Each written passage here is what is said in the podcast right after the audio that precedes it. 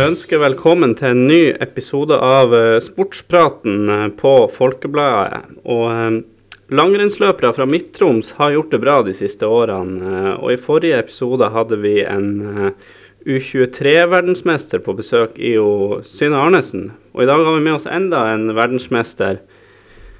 Gratulerer og velkommen til deg, Erik Valnes. Tusen takk. Eh, hvordan er det å være tilbake i, eh, i Nord-Norge igjen? Du har jo vært noen uker på reisefot, kan man si. Ja, nei, det er, det er fint det. Det ble jo det ble vel fem uker akkurat så jeg reiste sørover til jeg kom hjem igjen. Så, um, så det, det var hjemlengsel, og det er godt å komme hjem til litt ordentlig vinter.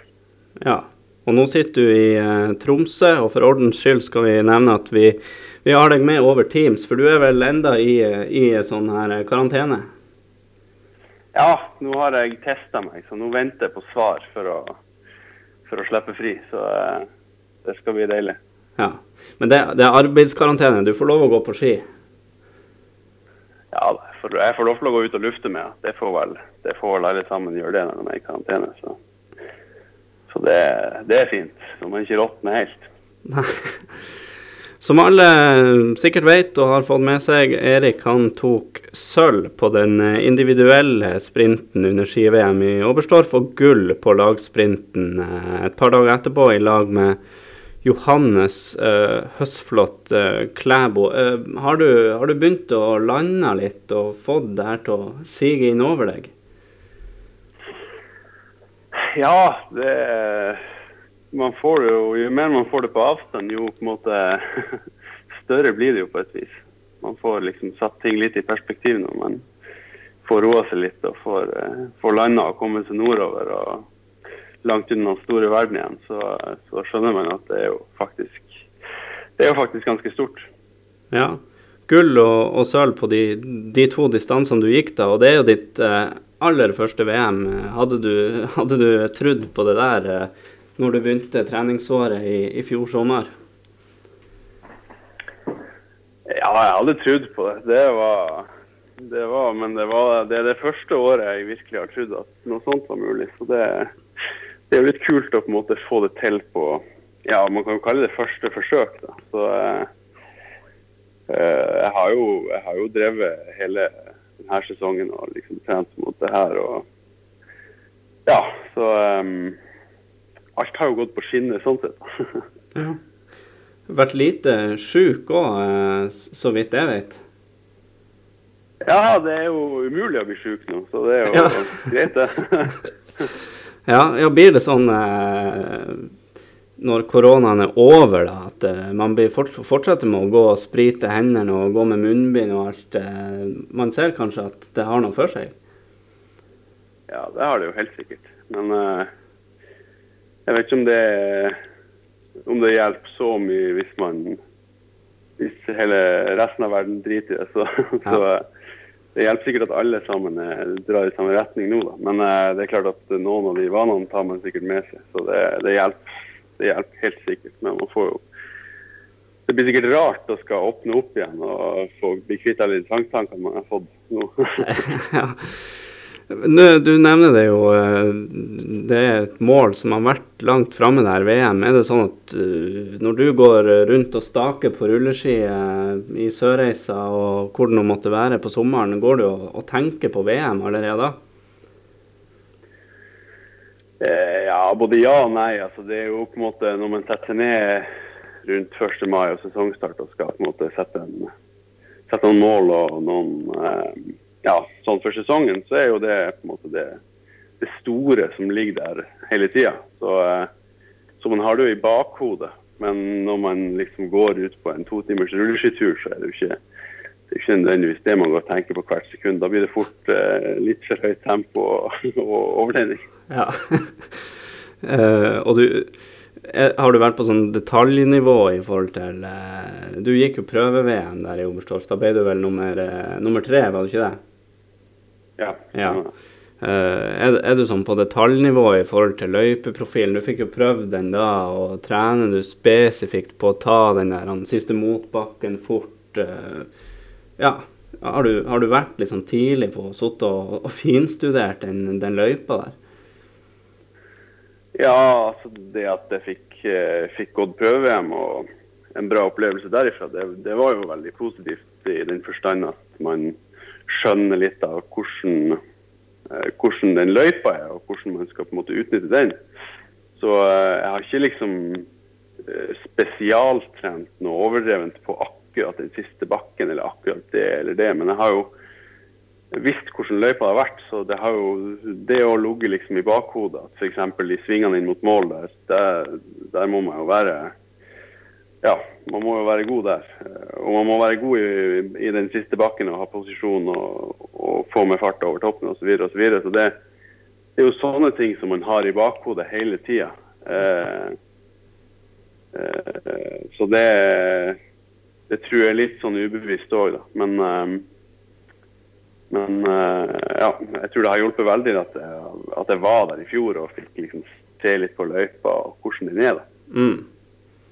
Ja, den siste motbakken der eh, Vi har jo hatt en Klæbo nå i, i, mange år som har vært sånn suveren på å springe bakker opp sånn der, men han er ikke det nå lenger. Du er oppover, så står du ikke så mye tilbake for han. Det er kanskje nedover det enda er litt igjen. Er du enig i det? Ja da, jeg tror nok at uh, jeg tror nok at jeg er helt på høyde med han oppover. Det, jeg er bra for å springe i bakka. Så, uh, så, har jo han litt flere kort å spille på. Så uh, han han kan liksom kule han litt og komme i skuddposisjon inn på oppløpet der, hvor kanskje jeg må svi av litt krefter for å komme meg komme meg fram og få brukt min forside i den bakken. da. Så um, enn så lenge så er han mer komplett enn meg der, da. Mm. Ja, er det fortsatt det som er det neste du tenker på? Bli, bli bedre på de tingene der som han er så, så god på, da? Svinger og, og kjøringer og ja, alt det der? Ja, helt klart. Det, han er helt rå på å få med seg farta eller, eller, å holde oppe farta. Så eh, ja, det er lett å trene på det på ei rolig økt og skyte fart utenfor sving. Det kan alle gjøre, men prøv det med 19 i laktat ned den siste bakken der. Det er ikke, ja, det er ikke behagelig, nei. Det er ikke. Så, eh, så det er, det er ikke så, man har ikke så mange sjanser til å liksom trene på det med så mye syre. Så man må på en måte man må tenke litt ekstra på det når man er i sånne konkurransesituasjoner. Så det er liksom, Jeg føler at det er det er et steg som er vanskelig å ta, men uh, mm. det ligger noe i bakhodet. Jeg ser jo hvordan han gjør det, så det, jo, det inspirerer jo å se at det uh, går an å være så, så bra på det. Mm. Men uh, du, du starta jo den her ja, amputerte sesongen, som det jo har vært uh, bra allerede i, i, november. Da slo du jo nev nevnte Klæbo og tok din første verdenscupseier. Og du har vært stabilt helt der oppe lenge nå. Eh, og det gjorde jo at du hadde jo Det var jo du som ble nevnt som den eneste som kunne ta Klæbo her da. Eh, før VM-sprinten. Eh, og du har jo nevnt det litt. Du, du, kjente litt på det forventningspresset. Hvordan var det de, de dagene før VM der? Ja, det forventningspresset, det er jo sånn det er jo sånn som det blir når man går eh, Eller presterer ganske stabilt bra. Da. Da, da, blir det litt sånn at hvis man, hvis man gjør det man bruker å gjøre, så blir det, blir det ganske bra. Og så skal man gjerne prøve å pushe det litt lenger. Så da, da får folk forventninger, og man får ikke minst forventninger sjøl. Og da blir man nervøs. Da. Så, så det var jo noen fæle dager før før uh, sprinten der. Det er jo sånn man, Uansett om man ikke tenker på det, så vet jo kroppen hva det er man går inn i. Så det Ja, man prøver å Ja, det, er mye rare følelser, mye rare tanker før dagene før et sånt renn. Spesielt kanskje når det er første gangen at mm. jeg er med på noe sånt. Ja, du sier jo noen fæle dager. Sleit du med søvn, få i deg mat, uh, typ sånne ting? Nei, det gikk egentlig greit, det. Det var ikke sånn at det var nervevrak. Men, uh, men uh, Ja, det er jo de her tankene som når man, får, når man får litt tid alene på senga, så begynner man tenke og kverne. og skal, skal sove, så er det Ja. man, man, tenker jo på det, det, som skal skje, da, men det er jo, det er jo en, en mekanisme sikkert som gjør at man blir mer skjerpa på renndagen. Så, mm. ja, så det, det, er jo en ting som man må håndtere. Det er jo kun positive ting i å være nervøs. Mm. Når du da innfrir, og hvordan, kan du beskrive den følelsen? Går det an, det? Ja, det er jo vanskelig, men, uh, men det er jo en sånn lettelse, da. Når man kommer i mål og, og liksom Man går jo på en måte fra å være ekstremt i nuet i tre minutter av en finale. Der hvor man ikke tenker så mye på akkurat det eller på konsekvenser eller noe sånt. Og så og så går du egentlig det du makter, og instinktene bare sier at du skal, du skal komme så fort som mulig til den streken på slutten. der. Så eh, akkurat idet du passerer målstreken, så går du jo fra å være i nuet til å skjønne liksom hva det er som har skjedd. Og da, da blir man jo liggende, da, for det er jo Da blir man plutselig mer eh, mer sliten og utlada enn det man egentlig er. da, For det er så mye liksom, inntrykk og mm. tanker som kommer der og da. og ja, så Det er jo en, det er jo ikke an å beskrive den følelsen, men det er jo det er jo sånn, man, man skjønner jo med en gang hva det liksom Ja, hva det er man har klart. Og det her var liksom det store. og det er, det er noen kilo av skuldrene med en gang. da. Ja. Du er ikke den personen som er, som er kjent for å stå og, og skrike, men eh, du, du, så ganske rørt ut der eh, etterpå? Ja, det, det er jo naturlig, det. Det, det, det, er jo som sagt jo, Man tenker jo på alle som bidrar og alt man har gjort opp igjennom. Og, så det er jo sånne ting man tenker på med en gang omtrent. Så, eh, så det er jo ikke rart at man blir litt rørt. Nei, absolutt ikke. Eh, det ble jo trukket fram her eh, etter du innfridde med de her medaljene, det mentale styrken din. Bl.a. foreldrene dine trakk det fram. Hva du vil si sjøl, er du sterk, sterk mentalt? Du, du prata jo om nervene og alt det her, men det ser ut som du greide å håndtere det bra til slutt? Ja da, altså sterk mentalt. Jeg skal jo være litt forsiktig med å, med å uh, skryte av meg sjøl, men uh, ja, jeg føler jo at jeg, jeg klarer å på en måte bruke det, de nervene til noe positivt. Da. At det ikke bare Det blir en sånn fight or flight-mekanisme der man, man må prøve å komme seg i fight hver gang man kjenner på den følelsen. Så så er det jo å stenge ut alt annet, da. Men det er jo, jeg føler at det er en litt en sånn treningssak som man, man mestrer. Så når man mestrer det, så uh, ser man inne på noe. Mm, ja. det, men, men, det er jo selvfølgelig Jeg ser jo det er mange, mange som, som, sliter med å, å liksom håndtere det. da, så Det jo, kan godt hende at jeg er flink til å håndtere det, da, men jeg vet jo ikke, jeg vet jo ikke om annet enn det jeg får til sjøl. Ja, gjør du noe spesielt, eh, eller, eller, er du bare sånn? Nei, jeg gjør ikke noe spesielt egentlig, men, men eh, jeg husker jo fra tidligere, var, spesielt da jeg var junior, da, at, eh, at når nervene meldte seg, så ble det på en måte tankene dro bort ifra de arbeidsoppgavene som handler om å komme seg fortest mulig fra start til mål. Mm. Og jeg kjenner jo nå at når jeg på en måte tenker på de tingene som skal bidra til, til å komme seg fortest og starte mål, så, så, roer nervene seg litt, og man på en måte kommer litt i litt i, um, i den sonen som man er vant til å være i. Mm. Så du er ikke typen som uh, setter ned på gulvet på uh, morgenen og driver yoga og uh, den type ting? Nei, da tar jeg meg heller en ekstra kopp kaffe. Ja, rett og slett. uh, jeg skulle si um, i VM, da, så du fikk jo eh, bl.a. Jeg tror vel jeg spurte deg sjøl òg, men det var jo på de pressekonferansene og det, det her med det favorittstempelet og, og, og, det der. Uh, måtte du luke det? Hvordan luka du det bort? For det, det var jo du og Klæbo som, som fikk, og han prøvde å skyve det bort og på deg og andre og, osv. Ja, det var jo på en måte Jeg føler, jeg føler vel egentlig at det var kun snakk om det på, eh, på den pressekonferansen og litt skriveri i, i media. da, så... Eh, ja. Så det var jo Han, han, han var fullstendig klar over sjøl at han var favoritt, sånn sett. Så jeg vet ikke hva det var han prøvde å lure over på meg. Da. Men, men det var jo ikke noe mer liksom internt i leiren vår. Så var det ikke noe som at ble noe endring i det i den uh, balansen der, da. Det var, det var han som hadde det favorittstempelet, og jeg hadde kanskje utfordrer, første utfordrerstempelet. Så det Ja. Sånn har det nå vært hele tida, og det er jo naturlig ut ifra Hvis du ser på de resultatene som har vært, da. Så um.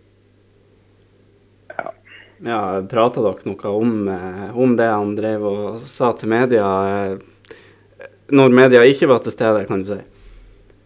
Sa du noe til ham? Nei, vi gjorde, vi gjorde nå egentlig ikke det. Det var eh,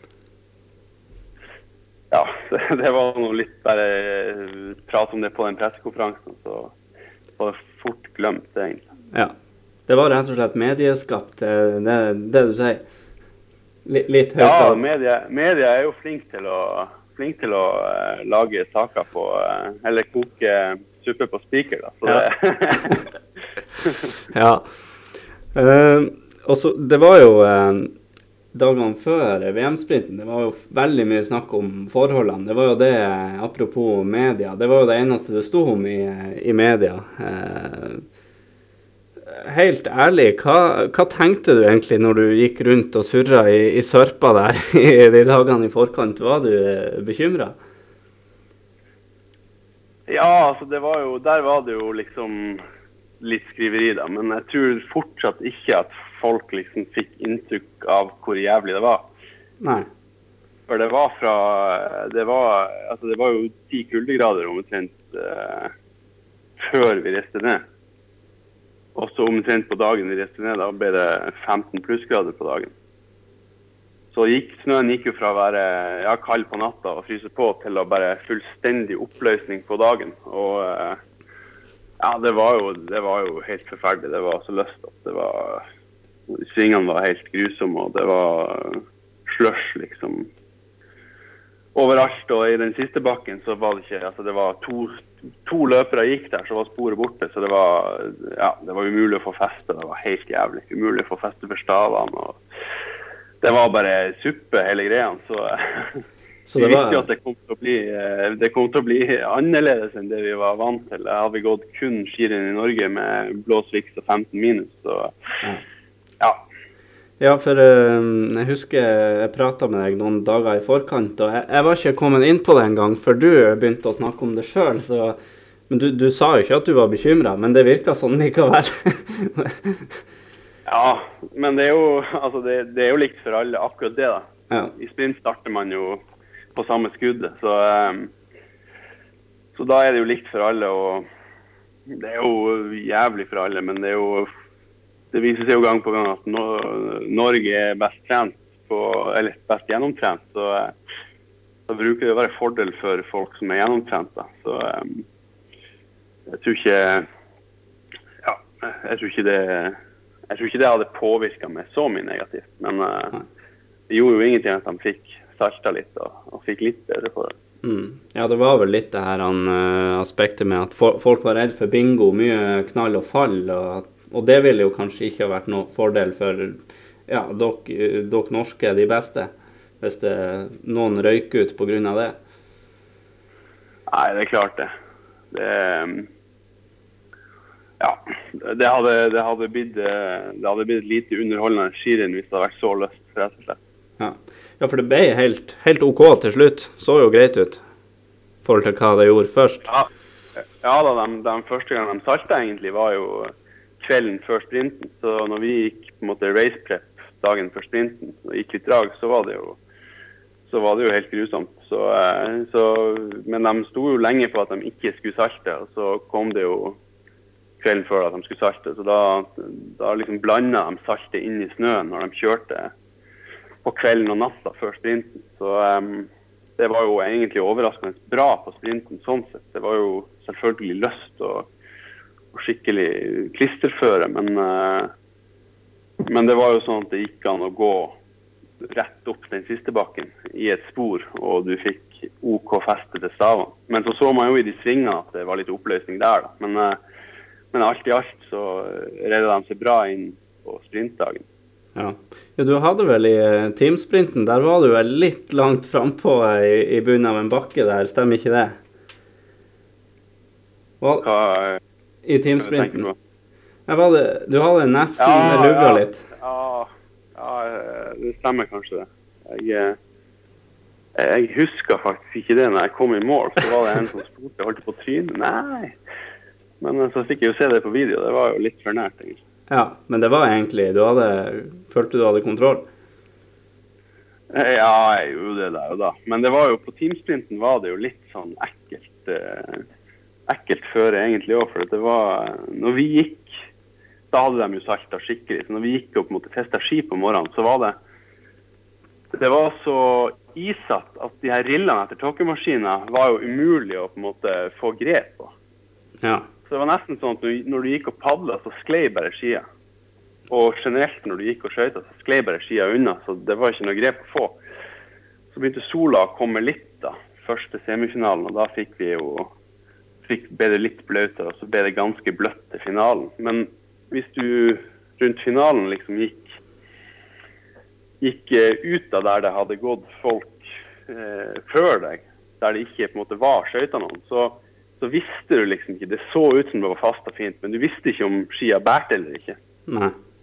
Så da, da, ble det litt sånn Bambi, da. Så det var egentlig, det var egentlig et rart føre å gå på der. Jeg, var egentlig, jeg har ikke gått noe skøytesprint i år, det har ikke vært noe. Så det var liksom kasta inn der, da. Og skulle på det føre og lyst og jævlig i finalen der. Og, og vanskelig, å,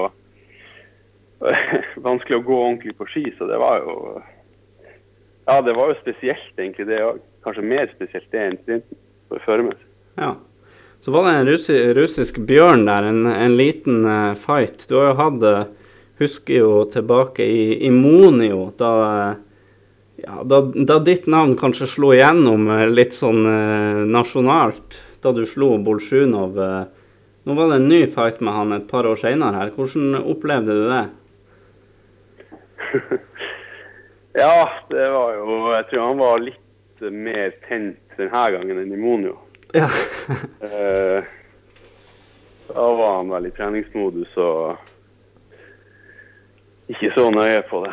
Men uh, jeg merka jo det på den mot nest siste etappen vi hadde, da. At han begynte å sette litt fart i den siste bakken og skulle teste oss litt. Og så hadde han jo han hadde jo ganske gode ski den dagen. Så det var liksom ikke bare å sette seg et sekund bak han i hockey og så forvente at du skulle skli han inn. For han, uh, han, han hadde enorme ski den dagen. Ehm, det hadde jo vi òg, men, men, han, hadde, han hadde helt ville ski. Så, eh, så jeg skjønte jo på siste gangen der at nå blir det kjør.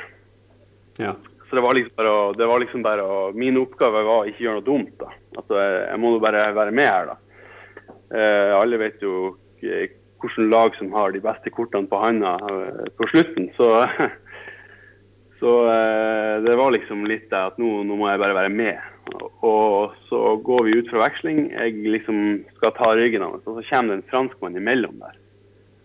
Han er jo ganske kjapp ut fra veksling, så, så han kom imellom. Og så, og så skjønner jeg jo det i første bakken. Han er jo pinnestiv, så her må jeg rundt. Og det er jo egentlig akkurat da at farta virkelig går opp og Bolsjunov går til den første bakken der. Så da blir det jo noen meter. Ut av, uh, ut av ingenting når jeg må rundt der. Uh, og så, så, jobber han jo selvfølgelig godt nedover på, på flata der og inn i sistebakken. Så eh, jeg tror at fra, fra, inngangen til sistebakken og til mål, så taper ikke jeg noe til han. da. Men, men jeg ble litt jeg ble litt stiv når jeg måtte forbi han franskmannen. og Det var liksom, det var ikke helt etter planen at de meterne der skulle komme. Men uh, jeg, jeg, klarte jo for så vidt å ta meg sammen der. Jeg var jo fryktelig stiv. og Ja, det var, det var vondt. Men, uh, men det holdt, det holdt den jobben jeg gjorde der. Så det var jo Det var bra, det. Ja, når du klappa Klæbo på, på skuldra siste gangen der, var du, var du, redd for at det var for langt opp? Det var vel fi, fire sekunder, var det ikke det? Fire-fem sekunder? Ja, jeg hadde egentlig ikke begrep om hvor mye, hvor mye, det var. For at det var eh, Man, man måtte kjenne jo ikke beina sine eller nakka på slutten, for det er så vondt. Det er så stivt og jævlig at uh, at man må bare fokusere på å komme seg fortest mulig til veksling og holde seg på beina. Så jeg var liksom helt mør i kom inn på veksling her. Så jeg hadde null begrep om det var ti sekunder eller om det var to sekunder. Så, så jeg måtte liksom komme litt til meg sjøl og, og se det. Så ser jeg jo det at det her, det, det tar han inn. Så det, det, det gikk jo fint. da. Ja. Ja, du fikk jo skryt for at uh, du, du, gjorde altså at du ikke ga uh, større luke. da. Du gikk jo mot verdens beste skiløper i, i praksis. Ja da, og uh, det, det, ser jo stygt ut selvfølgelig når man ser det igjen. det blir jo fire sekunder, og det er jo, det er jo litt for mye. Den luka blir jo stor, men, men han, han, tok jo gull dagen før og var i, åpenbart i form og er jo en maskin. Så, eh, så, var det jo flere gode sprintere som gikk samme etappen, bl.a. Chanava, som jeg nevnte der. Så, eh, så, det er klart at man må jo se litt på det. at det, det, var, jo, det var jo ganske bra likevel, selv om det ble fire sekunder. Mm. Uh, i etterkant av, av de her rennene og, og, medaljene, hvordan har du opplevd uh, trøkk fra media, og kanskje aller mest meldinger og sånt hjemmefra? Og det, det, blir jo stor ståhei når sånne her ting uh, skjer?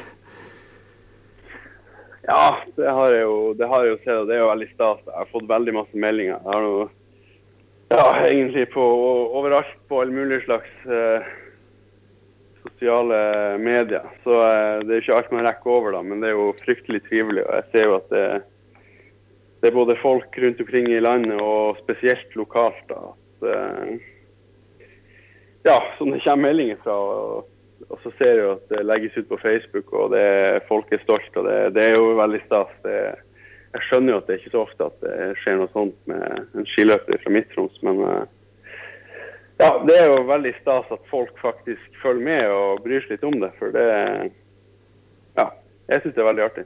Mm. Ja, eh, ordføreren i Sørreisa han sa vel at eh, nå kan vi kalle oss ei eh, skibygd. Jeg vet ikke om du har sett det videoinnslaget fra stua hans når det var teamsprint? Han var, ja, han var, han var ivrig? Ja, det, han er ivrig. Så det, han er jo en ja, en virkelig ivrig eh, å følge med på langrenn og, og, når vi gjør det bra. Så det er jo, det er jo artig. Og det klippet der, det var jo litt ekstra Det var litt ekstra trøkk i det. ja. Ja, og på individuellsprinten så hadde jo faktisk vi Vi hadde jo livesending her på huset med ja, Rene Hillestad og Synne Arnesen som gjester. Vi, vi, var, vi var nesten mest nervøse for at du skulle ryke kvarten, for da ble hele det der opplegget der veldig antiklimaks. Men eh, det, det gikk nå heldigvis bra. ja, ja. jeg tenkte jeg skulle spørre òg første seieren din i, i Ruka i, i, november, da hadde du vel vært hos han Emil Iversen uh, uka i forkant, stemmer ikke det? Ja, det er jo Det var en, uh, en uke der på Camp Ivers, så det Ja. Nei, for jeg registrerte jo at det var mye sånne hashtagger på Instagram med, med Camp Ivers. Hva, hva, som er hemmeligheten der? Er det noe sånn spesial Er du på sånn Spaviken der oppe i Meråker, eller hva, hva er Camp Ivers? Ja, det er jo Det handler jo om hygge, da. Om å hygge seg mellom treningsøktene. Så er jeg ute og trener, og så gjør jeg en ordentlig jobb. Og så er det spise godt og dessert og is og slappe av og spille PlayStation og alt det imellom. Så eh, det er ikke noe verre enn det. Nei. Og godt selskap, selvfølgelig. Men det ser jo ut som det fungerte bra. Kanskje du skal begynne med det oftere? Ja, ja, vi hadde jo en uh, liten her før VM òg. Vi, uh, vi, hadde jo pre-camp på Sjusjøen da. Ja. Men den var jo ferdig ja, tre dager eller noe sånt, tre-fire dager før vi reiste av gårde. Så det var jo ikke snakk om for meg å reise nordover. Da. Så da ble vi igjen på Sjusjøen, jeg og han Emil og Golbergen. Og så broren til han Emil kom kom, da. Han er litt sånn servicemann fra Emil. Ja, Mats, Så, um, Mats er det han heter. Mats, Mats Iversen, ja. Så da, da ble det Camp Ivers i tre-fire dager der, og pizza og, og kos. Og det, det, det hjelper bestandig. Ja. Ser ut som Camp Iversen. Det er suksessoppskrift, rett og slett. Ja, det men man, man, man, man må ikke overdrive det heller, da. Så det blir, det blir på de rette tidspunktene til neste år, da, tenker jeg. Ja. Eh, vi skal ta og gå litt videre. Du har jo brutt mange barrierer de siste årene og, og tatt sånn steg for steg uh, fra første pallplass i verdenscupen for to sesonger siden, er det vel, og til å bli tatt ut på sprintlandslaget. og ja, Du har jo etablert deg som den nest beste sprinteren i, i verden. Men så har du òg vunnet NM-gull på distanserenn i vinter, og nylig ble du åtte på femmil i skøyting i verdenscupen. Eh, hva, hva, er neste steg nå? Kan du ta enda et steg sånn her an, på en sesong? For jeg føler det, det skjer noe nytt hvert år. Ja, det er jo eh, Det er jo litt sånn Litt sånn svart-hvitt det stempelet man får som sprinter. da. Ja. Eh, og det er jo mange, spesielt utlendinger, som er eh, der hvor det faktisk er sånn at hvis du De sliter med å være gode i begge deler. Så, eh, så det er jo en del spesialsprintere fra ja, f.eks. Frankrike da, som, er, som kun kan sprint. Eh, jeg føler jo at vi i Norge er litt mer gjennomtrent. da, og, og hvis du er på sprintlaget i Norge, så er du egentlig en ganske god allrounder. Så um, eh, det er jo For min del så har det jo aldri egentlig handla om sprint i den forstand at det er liksom noe sånn her eh, 100% fokus på det. Jeg prøver jo bare å bli en bedre langrennsløper. Og det innebærer jo egentlig lite sprinttrening. Det innebærer jo veldig mye trening på ja, utholdenhet, rett og slett. Um, tjener påfallende likt som f.eks. Andreas Nygaard gjør, som går fem-seks mil hver gang han går skirenn. Mm.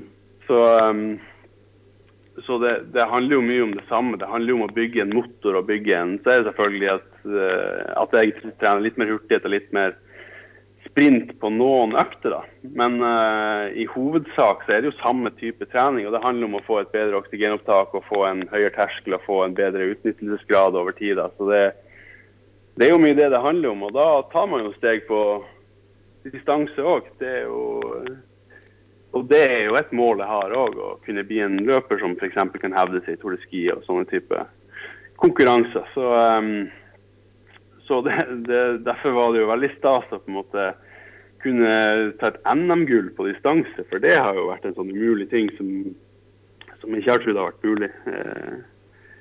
Så det gir jo mersmak. Og jeg har gått flere, jeg har gått flere gode distanserenn, liksom. Så, så um, jeg har jo litt sånn Selv om det kanskje ikke blir like mye lagt merke til, så har jeg jo litt ambisjoner der òg. Mm. Og du har gått noen gode femmiler tidligere òg, men det har vel vært i, i, klassisk. Jeg tror det var noen som ble overraska over at du gjorde det så bra nå sist her i, i skøyting òg. Eh, var du litt overraska sjøl?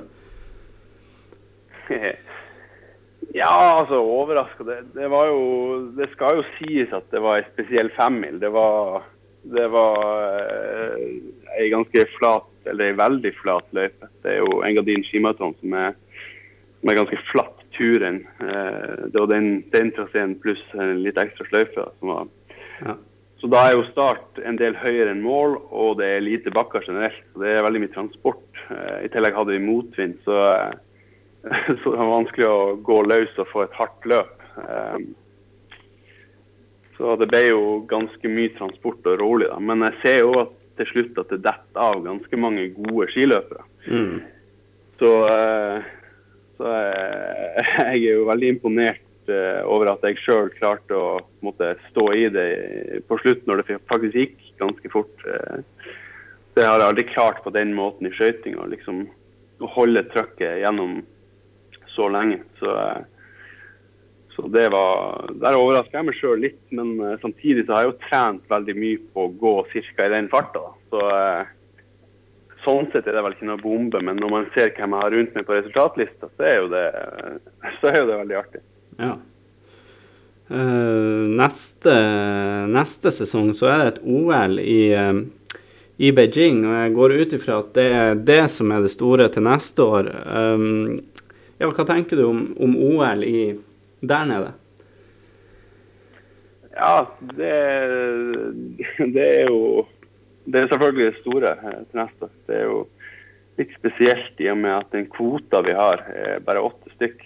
Så eh, det sier seg sjøl at her er det fordel å være litt grann en potet som kan gå litt forskjellig. Eh, så, men det er jo først og fremst på sprint selvfølgelig her òg at, at, jeg skal prøve å få kvalifisert meg. da. Og, men f.eks. 15 km klassisk det er jo en, og en, for en stafettetappe det er jo noe som jeg, eh, som jeg virkelig eh, må trene for.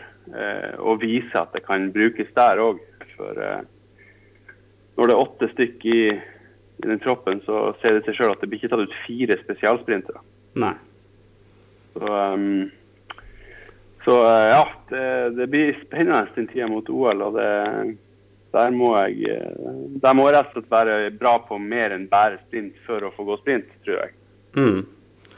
Ja, og da må du rett og slett levere en del i forkant. Blir, du må kvalifisere deg, rett og slett. Det blir, det blir, vanskeligere enn det var til VM nå. Dere hadde jo en vesentlig større tropp nå.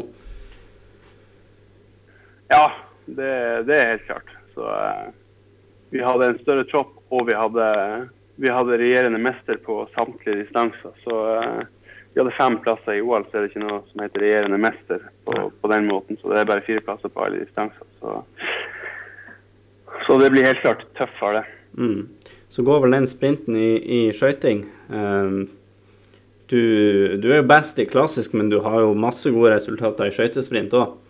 Hva, hva, tenker du? Ja da. Ja da, det, det, skal, det skal for så vidt passe meg greit, det òg. Så det, det, her, det, blir fokus på skøytesprint neste år, det er ingen tvil om. Så, så det har jeg trua på at jeg kan At jeg kan ja, gjøre de resultatene som skal til for å komme meg dit. da. Mm. Og ha, ta kanskje et lite steg i skøytesprint. Man må jo man må jo være der oppe på finale i verdenscup, det er det som gjelder. Så det er jo det, er jo det jeg må, da. Mm. Ja, vil du gjøre noe spesifikt i sommer og høst for å Ja, imot den skøytedelen, da? Ja, jeg må vel kanskje det. det. det. er jo klart at uh, de sprintøktene som vi hadde i år, det var jo en stor overvekt av klassisk. Så det blir jo stor overvekt av skøyting til neste år, da. Ja. Uh, I tillegg så er det jo selvfølgelig noen sånne styreøkter som man kanskje må igjennom for uh, for det er jo litt, eh, det er jo litt spesielt med skøyting. At man får jo, man får jo en, en syre på slutten der som, som, man ikke gjør i klassisk. Så det må man håndtere. Da må man kanskje ha trent litt på det. Så det, det blir vel noe sånt man, man planlegger med når, når, jeg skal legge den sesongplanen og den treningsplanen for det neste halvåret. Mm. Jeg har òg inntrykk av at det er litt større konkurranse fra utenlandske sprintere i, i friteknikk. Eh, Chanava, Pellegrino, eh, han andre franskmannen Chou. De er vel best i friteknikk, alle de, de der. Eh, mens i Norge, der er de norske er liksom så mange som er gode i klassisk òg. Eh. Ja. ja det, det, er helt klart det at uh, Norge er jo sånn sett bedre som nasjon i klassisk sprint. Um, og det er mer kamp kanskje om finaleplasser og topp fem og sånn. Det er kanskje litt mer tette dueller i skøyting. Ja. Uh, men jeg føler, jeg føler, jo at det handler litt om å være påskrudd, uh, påskrudd uh, der og da. Og på en måte ikke f.eks. slippe seg for langt bak før en avgjørende del og, og før spurten og sånn. da, så det er Eh, ja. Eh, det er jo sånne ting man også må trene på, selvfølgelig.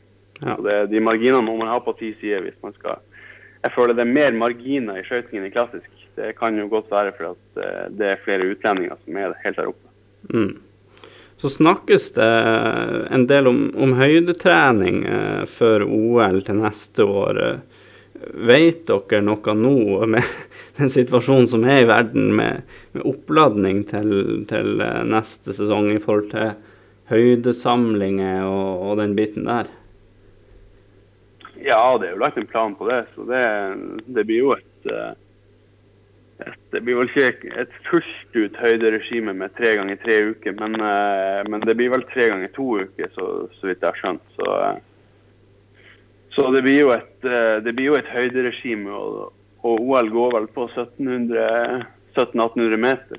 Mm. Og det er jo betydelig høyde. Det, jo, det må man kunne, rett og slett. Og man må kunne å gå skirenn på den høyden, for det er, det er ikke som å gå i lavlandet.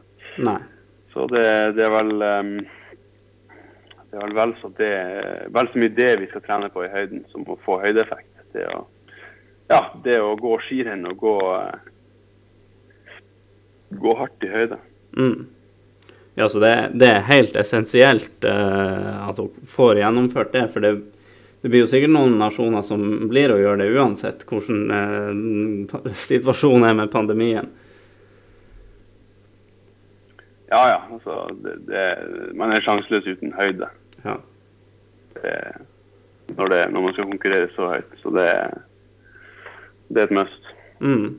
For de, de, som ikke er helt uh, inne på det der med høyde, hvordan er det det påvirker, hvis du kan forklare det på en sånn grei, uh, grei måte? Ja, altså uh, Greia er jo at lufta er tynnere, at trykket er lavere. det er mindre oksygen i lufta. Så,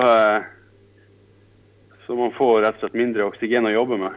Mindre oksygen ut i, ut i blodet og ut til musklene. Så så uh, den følelsen man har når man, man, trener i høyde, det er jo at man på en måte blir mer andpusten. Og så er det vanskeligere å vite eh, på en måte balansen mellom, mellom, å holde seg under den syregrensa. Ja. Og når du først bikker syregrensa og blir skikkelig stiv, da, da, er det liksom kjørt på et vis. Da, da, da kommer man seg ikke tilbake med og får henta seg inn igjen. Det, så den knivseggen der, den blir på en måte mye skarpere da, mm. eh, i høyden. Men de, de, erfaringene du har da med, med, høyde, du takler det greit. Det gikk vel på ganske Var det ikke litt høyde der dere var nå i avslutninga i Sveits? Ja, det var jo på 1800 meter, så det var jo skikkelig høyde. Ja. Eh, så den 15 km som gikk der, det, jo, det, er jo en følelse som er rar. Altså, man går jo, føler man går med håndbrekket på. Så eh, ja. Man liksom man, man, blir sliten uten at man tror at man blir sliten. Da. Så man må ha det i bakhodet hele tida. Ja. Um, vi, vi um, Når du, du, har tatt steg på distanse nå, gjør du noe spesifikt, eller fortsetter du med det samme? For det, det er vel normalt at det kommer kapasitet, øker litt og litt uansett. Du gjør ikke noe sånn spesifikt for å bli bedre på, på distanse? Nei, eh, jeg vet ikke hvor spesifikt man på en måte Det er vanlig at man gjør akkurat det, da. Men, eh, men jeg, jeg, jeg, vil jo si det er ganske spesifikt, de, de øktene jeg driver på med da, på sommeren og høsten. F.eks. man går jo 45-50 minutter, kanskje opp i en time, da, i ei rullesløype eller eh, eller, um, eller springe en runde, eller uh, springe motbakke, eller ikke sant, der man prøver å holde seg sånn på konkurransefart, eller kanskje litt under, da.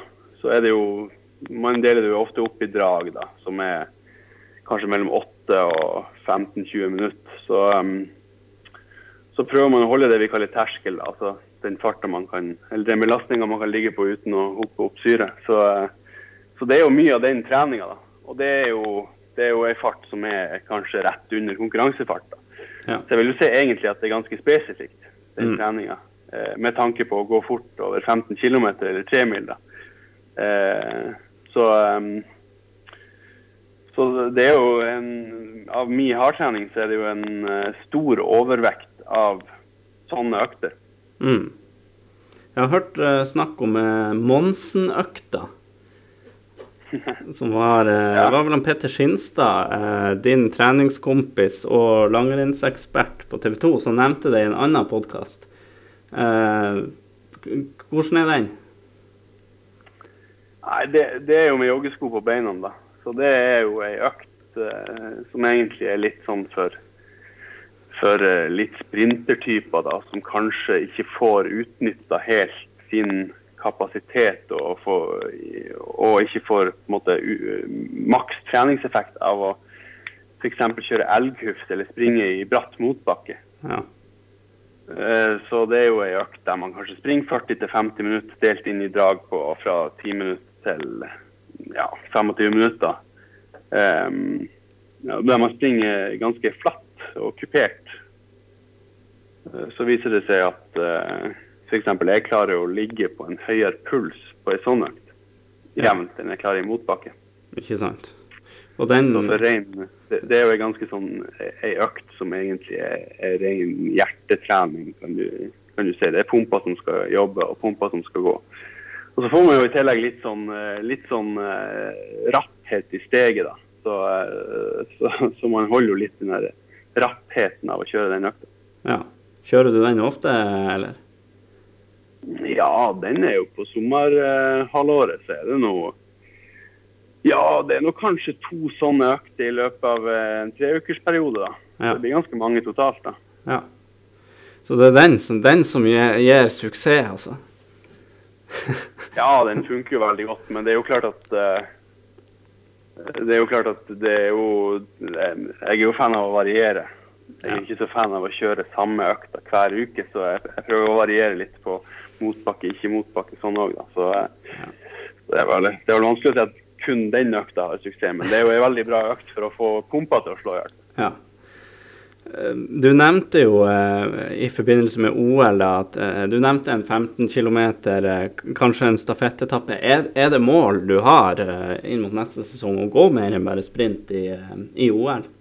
Ja, eller altså Mål, det, det, er vel ikke sånn at jeg, at jeg at jeg kommer til å være sinnssykt skuffa om jeg ikke får det til. da. Men, um, men uh, det, altså, det, er jo først og fremst å, å, få gå sprint og kanskje teamsprint da, som er hovedmålet. Men, uh, men uh, jeg har jo mål om i fremtida å være en mann som, som skal gå uh, f.eks. 15 klassiske eller 5 klassiske og stafettetapper og sånn i mesterskap. Så, så um, jeg er jo egentlig fornøyd så lenge jeg ser at jeg, at jeg nærmer meg det sesongen som kommer. Eh, og så lenge jeg ikke klarer å komme med i den OL-toppen og være med å kjempe om edelt metall på sprinten, så, eh, så er jo det nok for meg sesongen som kommer. Men jeg må jo Jeg, må jo, jeg blir skuffa hvis jeg på en måte har tilbakegang på, på distanse og, og ikke nærmer meg, i hvert fall. Ja. Det, det, er jo, eh, altså, jeg er jo stort sett god nok for alle andre nasjoner enn Norge på de fleste distanser. Ja. Uh, så man må liksom ikke bli skuffa hvis det er fire som rett og slett er bedre på en 15 klassisk, for at uh, nivået er såpass høyt. liksom. Så, så, men jeg prøver nå hver dag å bli bedre, så det er jo liksom det som er det viktigste. da, og Jeg er jo relativt ung ennå, så um, jeg, jeg, håper jeg har noen gode år videre etter OL òg. Mm. Ja, Eirik Myhr Nossum har nå sagt til oss at du er definitivt er en uh, stafettmann uh, for Norge i, i uh, framtida. Uh, nå er jo nå er jo sesongen i år Den tok jo brått slutt når du kom hjem her fra, fra Sveits. NM del 2 som skulle gå i, i Trondheim, ble avlyst. hvordan har det egentlig vært å være skiløper i vinter. Det, det, har jo vært amputert og lite konkurranser, spesielt for uh, Norge, da, som, som droppa mye verdenscup. Ja, det kan du si, men vi har jo fått, vi har fått litt konkurranse i Norge. da. Så ja. jeg, føler ikke at vi har jeg føler ikke at vi har vært helt uten konkurranse. Men, men, det har vært litt mindre, som du sier, enn det bruker å være. Eh, men jeg føler jo at sesongen har vært sånn relativt normal. da. Vi fikk et avbrekk der i, i desember som var litt kjedelig. Da var det lite, men jeg var jo så heldig at jeg kunne gå litt lokalt, så jeg fikk jo gått skirenn. Ja. Og for min del så var det jo hele tida VM som var det store, så det gikk liksom fint sånn sett. Så, um, så jeg føler at sånn konkurransemessig så føler jeg at jeg har gått en del skirenn i vinter, og at jeg har hatt en fin vinter sånn sett. Mm. Uh, og vi lever jo i ei boble hver vinter. Så Så, eh, så det, det, har jo ikke vært så unormalt, egentlig, Nei. som man skulle tro. Nei. Men det er jo klart, det er jo noen litt sosiale input og sånn som man eh, mister, og det, det, merker man jo. Man får liksom komme hjem og så har litt lyst til å kanskje treffe et par kompiser og sånn. Og så, og så er man ei uke i karantene, så uh, er det en ny reise. da, så da, da, blir det jo ingenting i løpet av en lang sesong. Så um, ja, det, det, er jo litt sånne ting som man savner nå når jeg er ferdig med sesongen. Mm. Um du, du, var jo inne på det. Du, du var jo ordentlig i siget der. I, du vant i, i, Ruka, og så kom beskjeden der ikke lang tid etterpå at uh, Norge droppa alt verdenscup i en stund framover, droppa Tour de Ski. Uh, hvordan var det å, å, få den beskjeden? Jeg kan jo tenke meg at du hadde veldig lyst til å gå skirenn igjen, og verdenscup? Ja da, Eh, det hadde jeg. Og så var det litt sånn at på det tidspunktet så så hadde jeg vel kanskje Jeg hadde jo bestemt meg for at jeg ikke skulle gå Tour de Ski uansett. Eh, og jeg hadde egentlig, sånn som situasjonen var rundt omkring, eh, tenkt tanken på at jeg ikke skulle reise til Dresden uansett. Så det var det Davos, da. Så det var liksom Jeg følte at jeg mista ikke så mye. Eh, den, den, i Davos var kjedelig å miste, men den i Dresden det er på en måte en, en showsprint som ikke har så mye med annen type eh, langrennsgåing å gjøre. Så det, var på en måte, det er jo kjedelig at man går glipp av eventuelt uh, gode renn og plasseringer og opplevelser sånn sett, men uh, men uh, vi fikk jo på en måte, jeg fikk jo gått litt lokalt, og vi fikk også en samling på Skeikampen i den tida, så, så det ja, den, den desemberen den ble jo på en måte veldig fin for det. Og jeg fikk jo trent ganske mye mer enn det jeg ville gjort hvis jeg hadde drevet og gått skirenn hele tida. Mm. Og rest, så um, Så det ble, jo, det ble, jo, egentlig veldig bra når man ser tilbake, da. Men det er klart at etter vi fikk den beskjeden etter uh, Ruka der, så Det ble vel et par-tre dager uten trening, litt sånn her for å ja, roe litt ned og ikke jeg hadde, jeg hadde for så vidt god tid til alt mulig, så um, da tok jeg noen rolige dager, og så starta jeg på igjen. Mm. Ja, var det litt sånn her Altså, alt snudde jo opp ned på alt av planer, og ble du litt sånn der han eh, Ja, ikke at du mista motivasjon, men at du ble litt sånn uh, tregere i og med at nå er det lenge til neste gang du skal ut og gå et viktig renn, i hvert fall. Ja, altså det er jo klart at uh, det er liksom de skirennene det er når, når, du har mange skirenn foran deg hver helg, så er det litt sånn at man gruer seg litt, og det, det blir fælt og det blir jævlig. Men uh, med en gang du mister dem, da, da merker du at uh, du man, det, man, gleder seg jo egentlig. Ja. Så det er jo liksom det er jo litt det som driver som driver oss, og i hvert fall meg, da, fra helg til helg, det at man har liksom man kan være lei etter ei reinhelg på mandag, men så, så, kommer man fort eh, på igjen på tirsdag da, at man har skirenn å gå til helga. og Det blir artig, og da må man være i form. så Da, da gjør man liksom en innsats, og så, sånn går det liksom litt. Så um, eh, Da mista vi jo den. Så da, da blir det naturlig med noen rolige dager. Mm. Må du liksom snu, snu litt om på, på hodet og få ja, ren, renske hodet, på en måte? Ja, egentlig. Man må jo man må bare prøve å se framover og se hva det er man Ja, hva er det neste nå? Så eh, mm. om man tar en dag ekstra fri, så, så er det bare det bra. Ja. Og nå tok som sagt sesongen brått uh, slutt. Var det litt deilig også, eller få litt ferie endelig?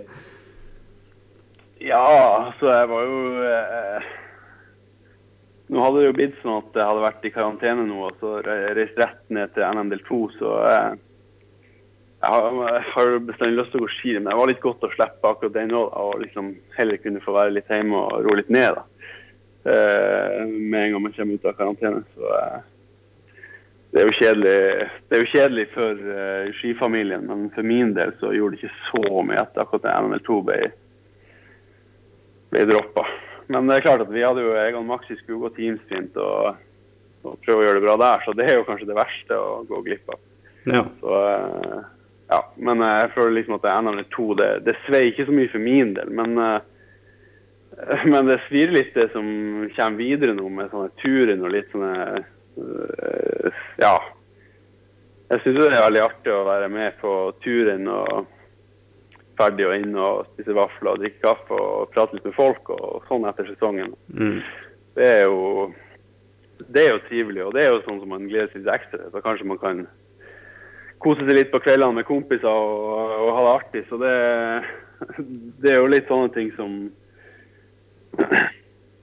som forsvinner litt med at det blir litt avlysning utover, eh, utover våren. At vi, ja, vi får ikke de samlingspunktene der da, som, som vi har brukt å ja, ta litt avslappa og med, med godt humør og, og prøve å kose oss. Ja. Når jeg tok kontakt med deg for å høre om du kunne bli med på podkast, så svarte du at du hadde god tid. Det er ikke så ofte du bruker å si det. Eh, hva, du, hva du skal gjøre nå om dagene? Eh, nei, det, det, er jo ikke fryktelig mye på plan. Det blir nå en skitur om dagen stort sett. Og så er det noe Ja, eh, egentlig absolutt ingenting, da. Så, så det eh, Men det er jo fint å få noen dager sånn og få ei lita stund sånn, så kanskje det blir bedre vær etter hvert, og man kan f.eks. dra på fjellet og ja, og gjøre ting som man ikke får tid til resten av året. Så eh, det, det, det, godt, det blir godt å være litt i lag med kompiser og ja, og den får litt tid til det, da. Mm.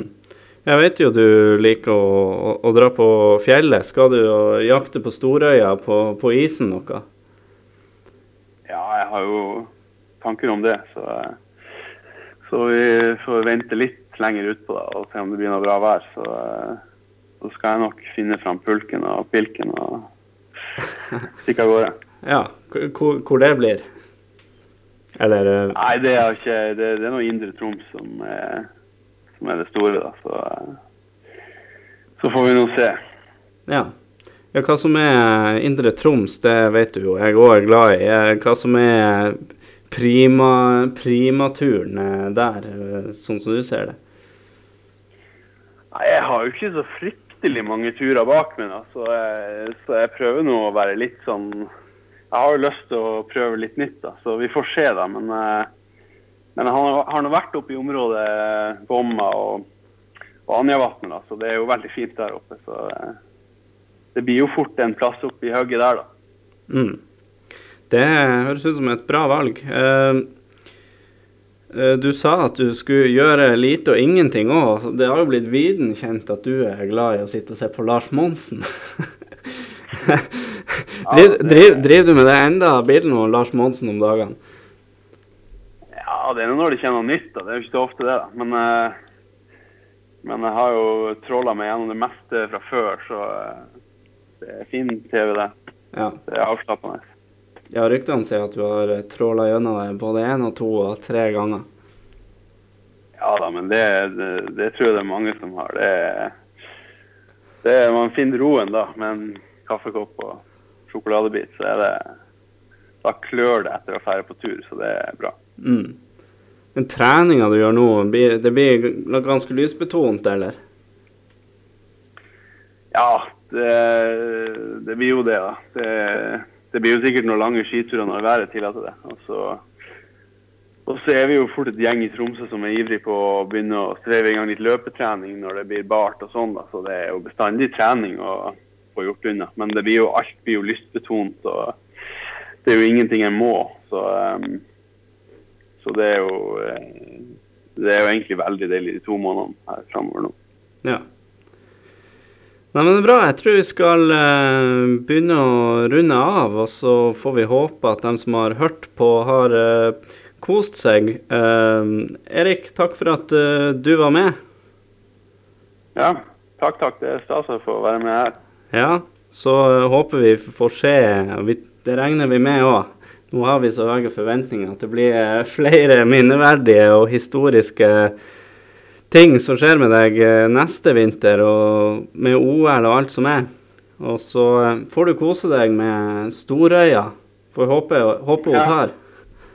Ja, vi får jo krysse fingrene for det. Det, Det må vi jo gå all in på.